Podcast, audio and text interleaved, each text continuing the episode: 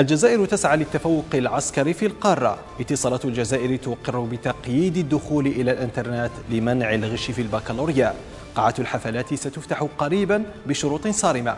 هذه الأخبار وأخرى ننقلها لكم من منصة أوراس. فمرحبا بكم.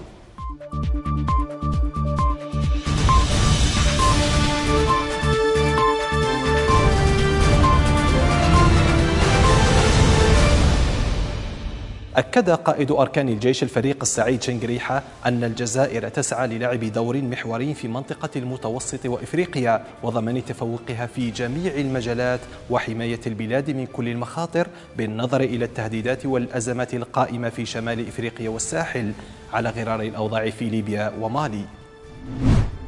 اتصالات الجزائر أعلنت أنها عمدت إلى تقييد الدخول إلى بعض وسائط التواصل الاجتماعي خلال فترة امتحانات شهادة البكالوريا للمساعدة في منع الغش ودعت المواطنين إلى الصبر وحسن التفاهم ويشكر رواد منصات التواصل الاجتماعي منذ بدء امتحانات شهادة البكالوريا من انقطاع خدمات الإنترنت وضعف تدفق في فترة إجراء الاختبار.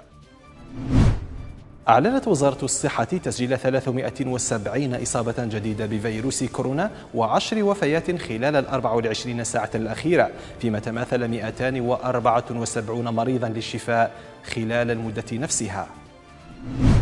في خبرنا الأخير كشف عضو لجنة رصد متابعة فيروس كورونا إلياس أخموك إمكانية إعادة فتح قاعات الحفلات مع تطبيق بروتوكول صحي صارم بها. وقال أخموك إن البروتوكول الصحي الخاص بقاعات الحفلات جاهز منذ أسابيع وينص على تقليص طاقة استيعاب القاعة إلى النصف وإلزام جميع الحضور بارتداء الكمامة بالإضافة إلى شروط أخرى. لمزيد من أخبار زوروا منصاتنا على مواقع التواصل الاجتماعي. إلى اللقاء.